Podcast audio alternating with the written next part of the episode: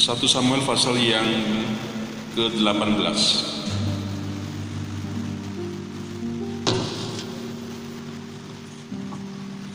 1 Samuel 1 Samuel pasal yang ke-18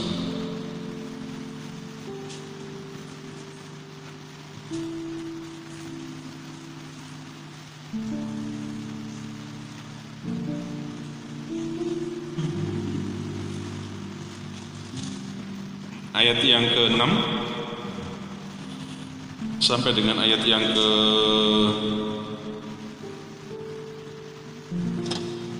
9 ya.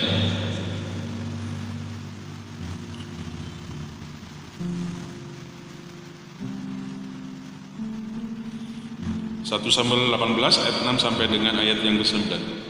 Perhatikan. Saul membenci kepada Daud. Tetapi pada waktu mereka pulang, ketika Daud kembali sesudah mengalahkan orang Filistin itu, keluar, keluarlah orang-orang perempuan dari segala kota Israel menyongsong Raja Saul sambil menyanyi dan menari-nari dengan memukul rebana dengan bersukaria dan dengan membunyikan gerincing. Dan perempuan yang menari-nari itu menyanyi berbalas-balasan katanya, Saul mengalahkan beribu-ribu musuh, tetapi Daud berlaksa-laksa. Lalu bangkitlah amarah Saul dengan sangat dan perkataan itu menyebalkan hatinya. Sebab pikirannya, sebab pikirnya kepada Daud diperhitungkan mereka berlaksa-laksa, tetapi kepada kepadaku diperhitungkannya beribu-ribu. Akhirnya, akhir akhirnya jabatan raja itu pun jatuh kepadanya. Sejak sejak hari itu maka Saul selalu mendengki Daud. Ya. Sejak hari itu maka Saul selalu mendengki Daud. Apa yang kita renungkan? Kata mendengki. Mendengki ini uh, apa namanya? Mendengki ini masih masih sinonim, masih sama artinya dengan apa? Hah? I, iri. Ya. Iri hati.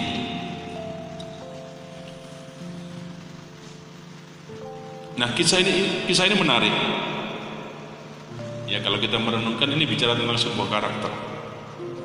Sebuah sifat yang kita harus hati-hati jangan sampai kita ini memiliki sifat yang dengki, sifat yang iri hati.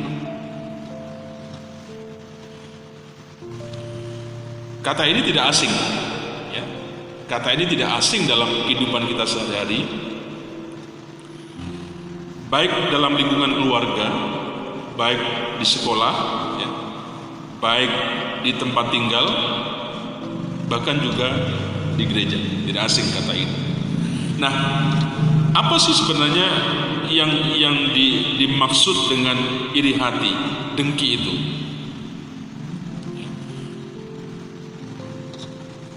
Iri hati biasanya diartikan sebuah perasaan kurang kurang apa?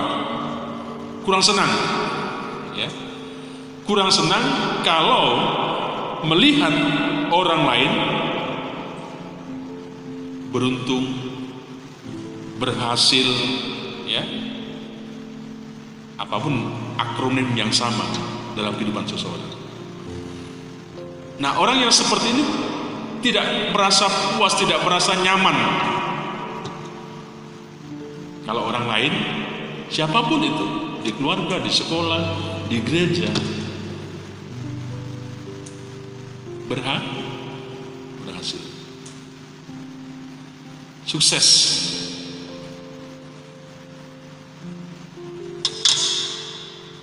Selain itu juga bisa diartikan iri hati itu adalah cem, cemburu.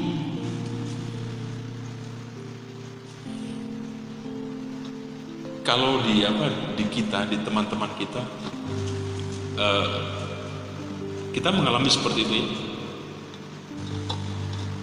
Mengalami seperti itu cemburu kenapa sih dia selalu gaul sama dia saya mas saya kenapa gak, gak mau gitu.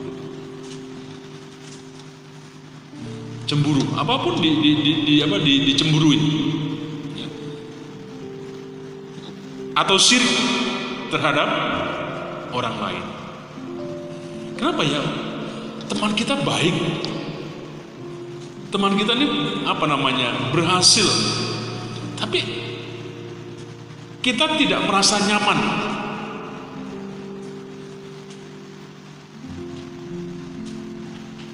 kalau mungkin di antara kita, di teman-teman kita, kalau ada yang pinter nyanyi, oh, pas begitu kan?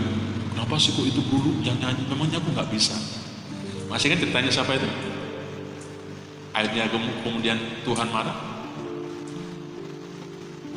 Adik, kakak daripada mu, Musa. Lu saja, katanya siapa? Harun sama siapa?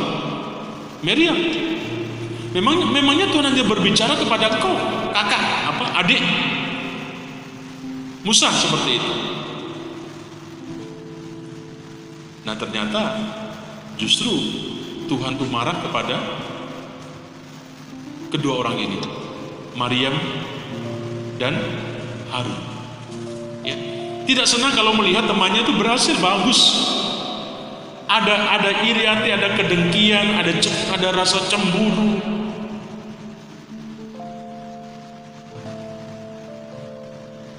Inilah yang saya katakan hal yang biasa.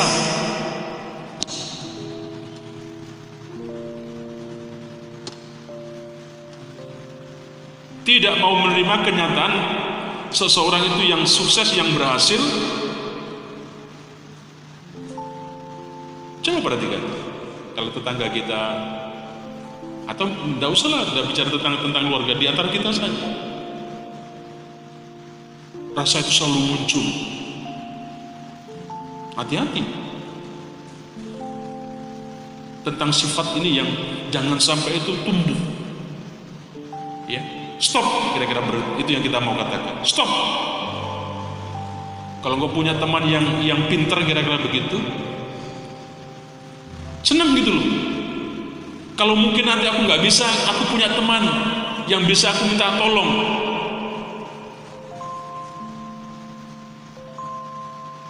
Tapi kadang-kadang kan tidak. Kita tidak bisa kita tidak merasa turut bahagia kalau ada teman kita yang mungkin jauh lebih baik daripada kita.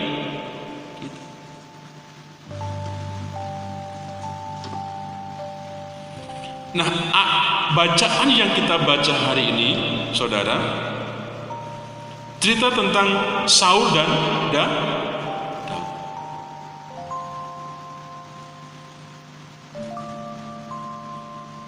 Apa saja kita bisa cermati, kita bisa koreksi, bisa saja ditelisik apa saja dari teman kita.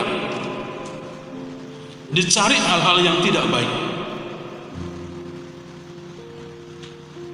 Nah, saya ingin mengajak hari ini dengan renungan ini dengan apa yang kita kita kita pelajari bersama-sama, jangan sampai itu tumbuh di antara kita. Dilarang, stop tidak boleh. Berhenti kira-kira gitu. Untuk si si. Dari, dari dari strata yang lain dari hal yang lain.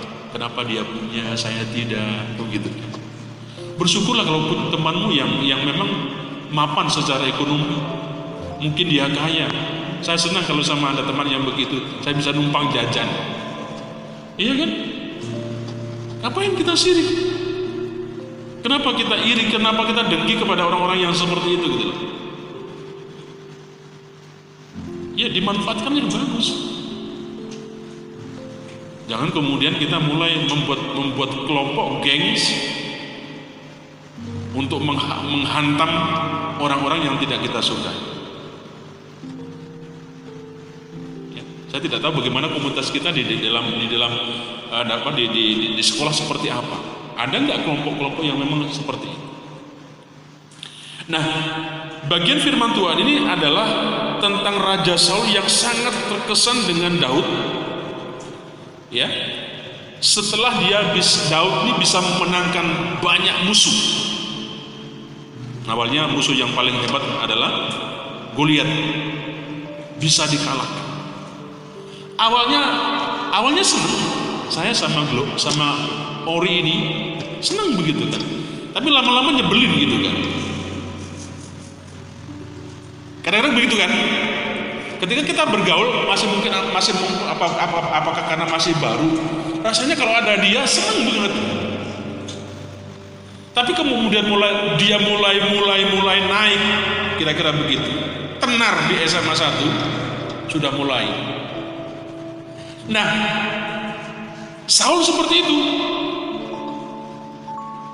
Jangan terkenal, terkenalnya nakal begitu ya. Siapa yang nggak tahu SMA 1 tentang anak itu? Siapa yang nggak tahu anak-anak anak SMP satu yang namanya itu? Terkenal. Tidak bukan begitu maksud saya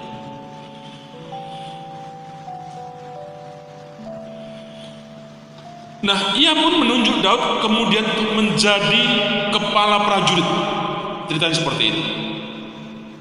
Karena senang diberikan keduduk kedudukan. Kira-kira begitu kan? Saya senang dengan dia, kasihlah jabatan di sebuah organisasi. Nah ternyata ketika Daud selalu ditugaskan oleh Saul untuk perang maju, Daud selalu menang, nggak pernah kalah kira-kira seperti itu. Tadi kita baca Ketika pulang dari medan peperangan pertempuran, disambutlah Saul. Perempuan-perempuan nyanyi datang kira-kira begitu menyambut. Dia katakan apa tadi? Ber beribu-ribu. Ada yang tahu laksa itu berapa sih? Hah? Kalau berlaksa-laksa itu berapa sih? Ada yang pernah melihat? Hah? Dri, sudah pernah lihat berapa yang berlaksa-laksa itu berapa sih maksudnya artinya? Beribu-ribu. Tahulah, tapi ada ada ada istilah berlaksa-laksa. Hah? Seratusan. Seratusan ribu, beribu-ribu, ratusan ribu berlaksa-laksa.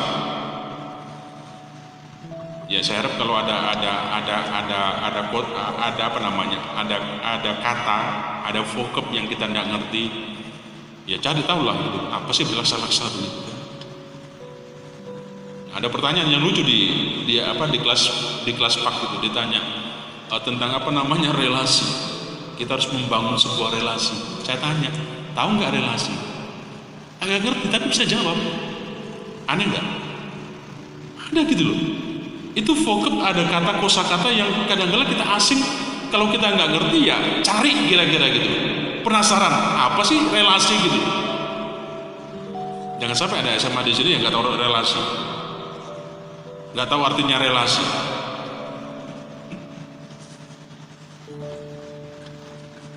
Luri nggak tahu relasi kan lu Andre tahu nggak relasi?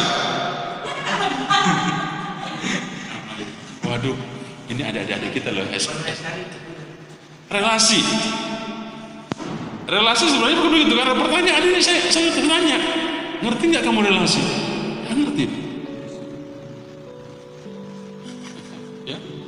Yuk kalau saya saya minta kalau nggak ngerti cari kalau ada soal begitu. Ada istilah-istilah yang kadang-kadang modern yang dipakai. Apa namanya istilah apa itu? Ya begitulah kira-kira relasi vertikal horizontal apa sih vertikal horizontal ada istilah begitu kan ya nah kalau nggak ngerti coba cari browsing kira-kira begitu. Apa sih tanya apa apa apa ini vertikal? Apa sih artinya vertikal? Nanti kan dia akan jawab begini. Relasi itu hubungan. Bangun relasi. Bangun hubungan sebenarnya kira-kira begitu. Aku komplit pak. Nanti cari kamu setelah kau komplit. Ya. Nah saudara Ketika ketika disambut dia katakan Saul hanya beribu-ribu tetapi Daud berlaksa-laksa. Ratusan ribu. Coba kalau di antara kita di sini, kita kumpul, kemudian banyak banyak teman yang memuji kita. Kita kita, kita di sini ketuanya apa sih Hendrickson. Tapi pujiannya nggak seperti yang lain, si Patricia. Ya kan? Ah, Hendrickson belum apa-apa dibanding Patricia. Ya, kira-kira begitu ya. Dongkol nggak kira-kira? Hah? Blur, dongkol nggak kira-kira? Hah? Hah? Nggak tahu. Bukan seandainya kamu. Hah? Kira-kira awalnya Saul juga sama sedikit, Pri. Seneng, hebat gitu. Ya, saya jujur seneng kalau kamu yang mimpin ujian sebenarnya.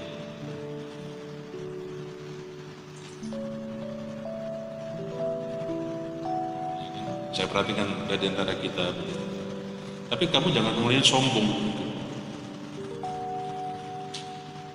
Jangan kemudian kamu merasa merasa merasa lupa dengan yang lain. Nah teman yang lain juga sama. Kita ini punya sebuah talenta, punya karunia yang berbeda. Tidak ada ada yang hebat satu dengan yang lain. Buat apa kamu pinter bagus nyanyi? Tapi kalau kamu sering kelayapan ke mana gak dari kamu nakal begitu. Tadi, tadi pagi bapak nganter ada anak-anak pemuda bapak pulang kampung. Nah, masih gadis jam 4 itu masih ada di jalan sama laki-laki. Kadang miris, miris. Apa ya namanya? Sebagai sebagai orang tua kenapa prihatin gitu melihat anak muda seperti itu.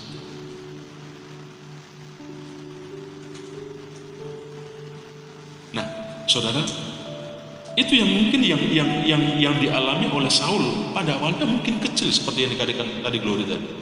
Mungkin sedikit. Tapi lama-lama lama kelamaan bisa menjadi menjadi menjadi besar. Ya. Dan pasti ada sebuah rencana-rencana seperti apa yang dilakukan oleh Saul. Apa yang dilakukan Saul? Sebagai tentara, dia selalu ditempatkan yang paling pertama. Harapannya apa? Nanti kalau perang mati, Itu sebenarnya kalau kita bicara bicara dalam kesadaran kurang ajar gitu kan. Ada ada permainan, ada maksud yang tidak baik. Dirancang seperti itu. Kenapa itu dilakukan? Karena ada dalam kehidupan Daud dia tidak puas, dia tidak senang kalau dia Daud lebih penghormatannya tinggi dibandingkan Saul. Saudara kehidupan yang seperti ini uh, mungkin sifatnya apa ya dalam kehidupan sehari-hari, tetapi sering kali ter terjadi dalam kehidupan kita.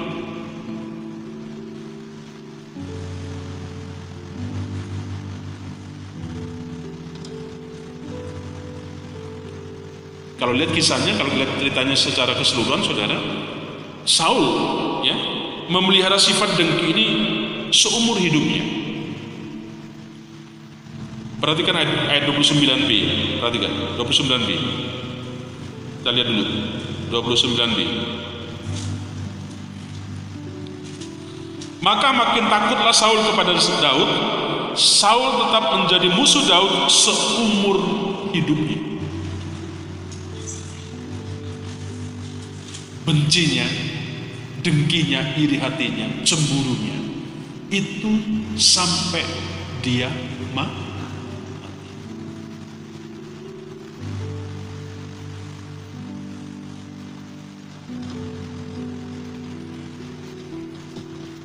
Coba saya ingin menanya, apa sih untungnya? kita ini iri? Apa untungnya kita itu dengki, cemburu dengan orang yang mungkin kelihatannya di atas kita?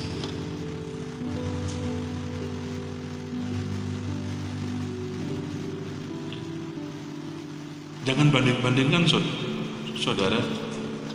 Jangan banding-bandingkan kenapa wajahku begini, kenapa wajahnya dia begitu, kenapa rambutnya dia seperti ini. Macam-macam dibanding-bandingkan enggak? Ya. Ingat, Tuhan menciptakan kita itu dalam kesempurnaan yang sangat baik, yang sangat baik. Itu nilai. Apa pun bentuk kita, model kita. Tuhan ciptakan dengan sesuatu yang luar biasa. Kita harus mengerti itu supaya nanti gambar diri kita tidak menjadi rusak. Karena kita tidak memahami tentang jati diri jati diri kita, citra diri kita karena seperti itu. Sehingga kerjanya hanya membanding-bandingkan dengki, iri, apa ya cemburu dengan siapa pun. Pernah gak enggak kamu, kamu perhatikan dengan seksama ketika kamu bercermin? Ya, kenapa Tuhan membuat wajahku seperti ini? Kenapa Tuhan membuat mataku, hidungku, alisku dan macam-macam rambutku seperti ini? Ya, Saudara kalau kalau kita mau merenungkan semuanya kita akan akan bisa bisa bisa mensyukuri dengan semua keberadaan kita melihat tentang tentang Allah yang menjadikan kita yang seperti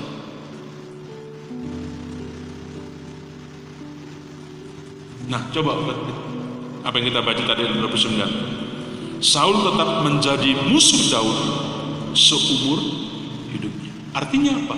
Kebenciannya dengkinya itu sampai kira-kira di bawah mati.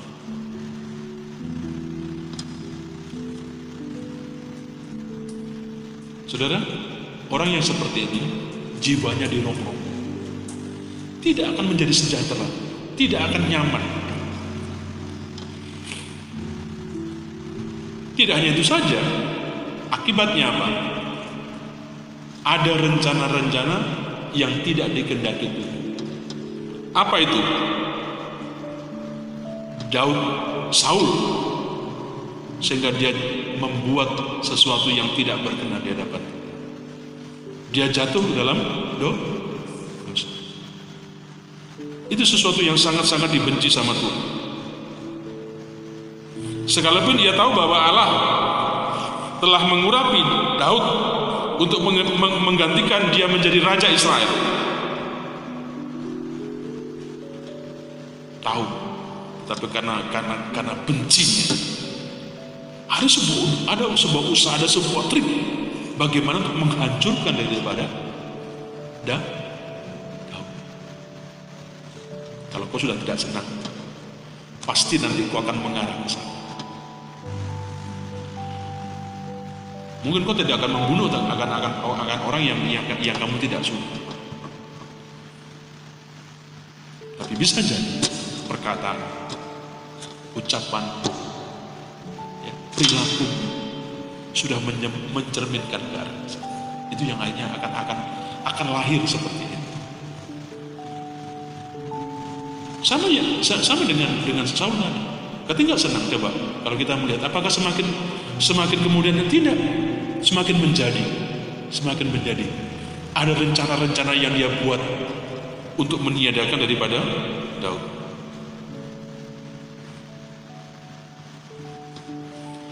Ingat, saudara, nah sifat dengki ini muncul ketika kita tidak rela ya, menerima kenyataan. Ya. Juga tidak mensyukuri apa yang kita punya.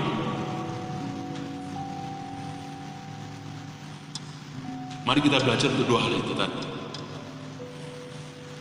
Dari mana munculnya dengki? Dari dua hal tadi. Yang pertama, tidak rela menerima sebuah kenyataan. kenyataan. Contoh, masing-masing kita kalau di sekolah, tidak semua orang itu EQ-nya, kemampuannya itu tinggi. Kalau komputer, ada Pentium, Pentiumnya, Pentium 1, 2, 3, 4, tidak tahu sekarang sudah sudah apa modelnya.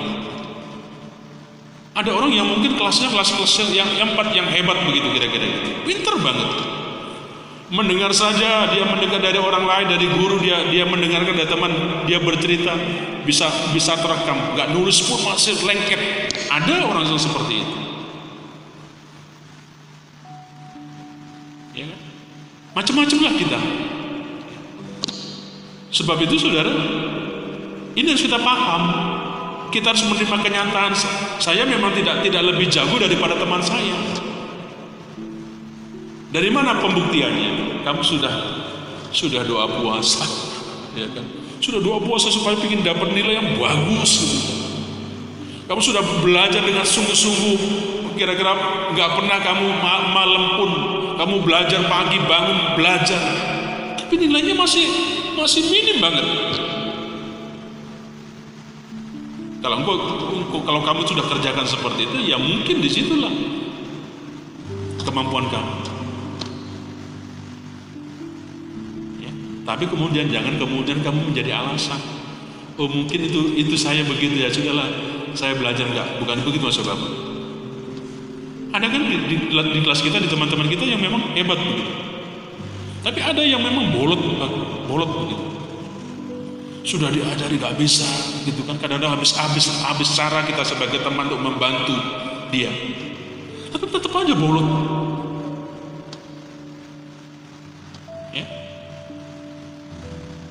yang yang kelihatannya rendah yang kelihatannya tinggi ya jangan. Di posisi yang yang benar saja. Kenapa kita nggak bisa mensyukuri melihat sebuah kenyataan tentang teman kita yang baik, yang cantik, yang ganteng, yang punya mungkin punya punya dan sebagainya.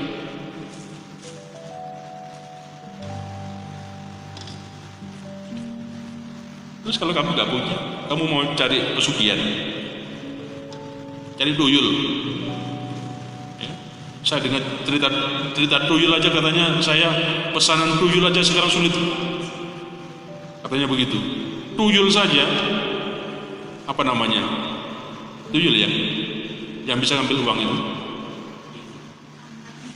katanya itu saja order saja sulit untuk dapatkan sekarang ini katanya begitu ceritanya tuyul di order aja sulit untuk dapatkan dapatkan dapat gitu loh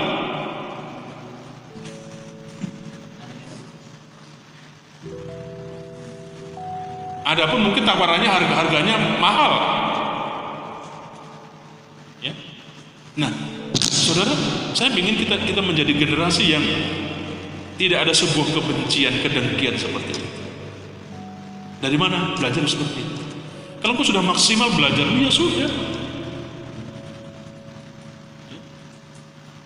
Walaupun bukumu kamu kira-kira kamu bakar, kamu kemudian masukkan ke air, kamu minum, kamu nggak jadi-jadi, ya memang memang di situlah. Ada loh begitu.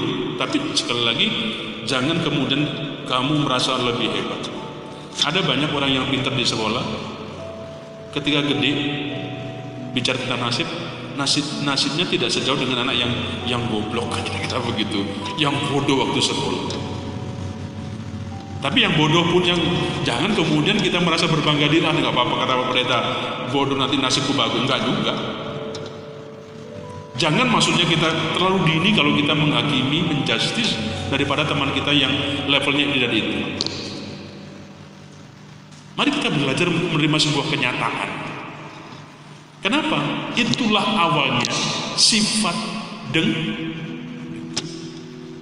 Kalau kau punya teman yang pintar, bersenang, aku senang.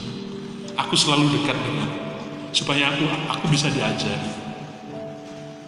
Ya, Kalaupun temanmu punya punya uang banyak, sakunya banyak, senanglah. Jangan sirik. Jangan diomongin sombong dia, gaya dia, macam-macam gak.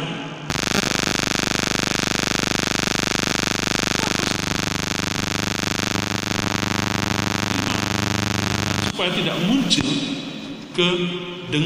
ke dengki Yang kedua, apa tadi? Tidak mensyukuri apa yang kita punya. Seperti apa kita? Mari kita syukuri. Kenapa yang menjadi persoalan? Seringkali kita ini membanding-banding membandingkan. Menganggap orang lain teman kita mungkin jauh lebih enak daripada kita. Kenapa? Kacamatanya B beda. Kaca kacamata kudanya beda. Orang melihat rum, apa rumput di tetangga itu baik, di teman itu baik. Tapi coba datang, lihat perhatikan. Persoalan banyak, masalah banyak, sama dengan kita sebenarnya pelayanan di gereja yang besar ya di jemaat yang gede dengan kecil sama. Kelihatan enak yang gede pusing. Bapak deket dengan butut tapi kalau ibu cerita wah luar biasa pergumulan. Masih mendingan saya kadang-kadang yang seperti ini. Kalau itu lebih mana? enggak juga. Kadarnya berbeda. Semakin orang banyak dipercaya, semakin benar. Ingat itu. Semakin banyak dipercaya sama Tuhan, tidak semakin semakin ringan tanggung jawab. Oh nanti kalau saya, saya punya uang banyak, saya akan ditidai sesuai dengan tanggung jawab yang dipercayakan Tuhan kepada kita. Gitu. Ya? Mari kita mensyukuri apa saja yang yang yang diberikan Tuhan kepada kita.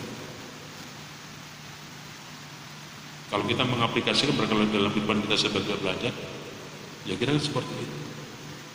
Kalau hari ini mungkin baju kita, mama kita, gak bisa memberikan sesuatu yang lebih dibanding yang lain. Gak apa-apa lah. Gak usah teriak-teriak, ma, sepatuku sudah jebol. Gitu. Mamamu sudah dengan dengan dengan hati yang hancur melihat sepatu, gak usah teriak-teriak. Saya percaya dia sudah memikirkan bagaimana dia akan bisa memberikan sepatu yang baru. Sama dengan Tuhan. Itulah yang kadang-kadang menjadi sebuah penghiburan bagi Bapak. Di saat kita, Bapak yang sesuatu sepertinya down banget gitu kan. Ada banyak masalah, ada banyak pergumulan. Ketika seperti saya, saya berdoa kepada Tuhan. Tuhan Tuhan mau berkata, adik, usah kok. Aku tahu. Ya, kau kau sudah teriak, kau teriak. Aku sudah tahu. Itu penghiburan yang yang apa ya, yang yang menguatkan. Sehingga apa? Kita akan bisa belajar mensyukuri apa yang Tuhan percayakan kepada kita. Sehingga apa? Dijauhkan daripada sifat sifat apa namanya cemburu dengan apa saja. Sehingga apa? Kita akan bisa menikmati hari-hari kita dengan baik. Jangan merasa terancam kalau ada ada siapa saja yang mungkin jauh lebih daripada kita. Jangan merasa terganggu, terancam. Gak ada untungnya kalau kau punya seperti itu. Gak ada untung. Justru kau akan menjadi hidup yang tidak nyaman engkau hidup tidak akan tidak akan tidak akan tentram, tidak akan damai. Sehingga hanya penuh dengan kekurang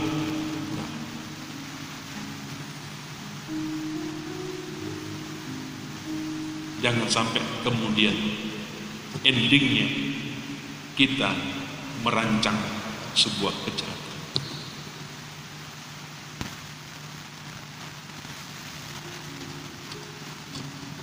Mungkin tidak kita membunuh. Tapi bisa jadi perkataan kita ya, itu membunuh karakter daripada teman kita. Ya, bisa jadi kita melakukan sebuah kejahatan membunuh orang lain. Hari ini kamu kalau melihat peristiwa-peristiwa yang terjadi apa kejahatan? Ada yang teman yang baik Bagaimana teman yang baik yang selalu ke mana-mana tetapi nggak tahu tumbuh rasa-rasa kebencian. Bapak pernah menangani kasus itu anak-anak pelajar, ya nggak tahu gimana ceritanya, akhirnya temannya itu dibunuh, dibunuh. bukan sama penjahat, tapi sama sama sama dengan teman yang selalu bergaul saya. Sebab itu saya mengajak kepada kita semua mari kita belajar untuk mendekatkan diri kepada Tuhan kepada Tuhan. Mari kita membangun sebuah ke, ke apa namanya, kekaripan, kedekatan, keintiman kita dengan Tuhan.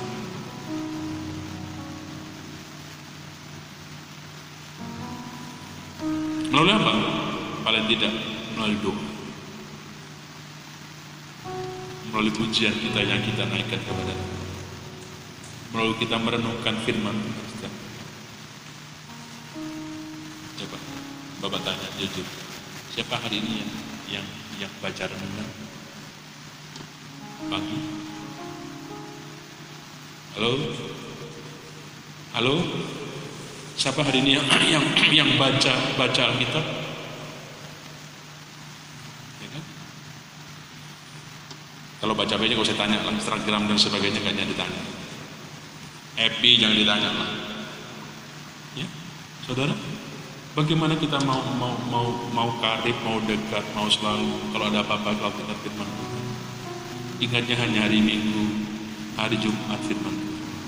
Yang lainnya sudah hilang. Mari kita kita kita bangun sebuah hubungan kita yang dekat kepada Tuhan. Terakhir, jangan pernah memberi ce celah untuk kita iri kepada iblis. Ketika engkau membuka celah, ibaratnya seperti iklan. Ketika engkau memasang iklan, iblis menawarkan di iblis tidak akan pernah bisa masuk ke dalam kita kalau kita tidak.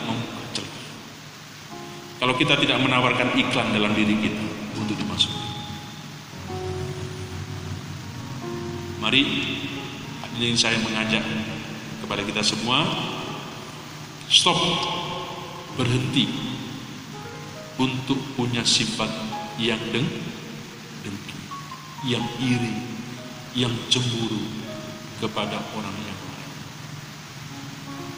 Mari kita tunduk kepala, kita berdoa bersama-sama.